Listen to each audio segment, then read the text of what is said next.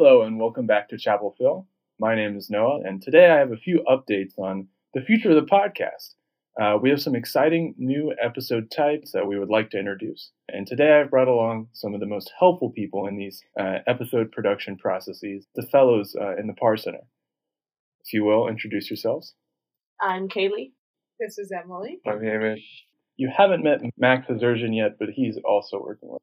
And for our audience, all the fellows have been working tirelessly behind the scenes to help us get this up and running and streamline the production process. Uh, and we're happy to announce that we can now extend this even further with Fellows episodes. So we're going to have uh, certain episodes highlighting students at Carolina's virtues, more to come on that after our spring break.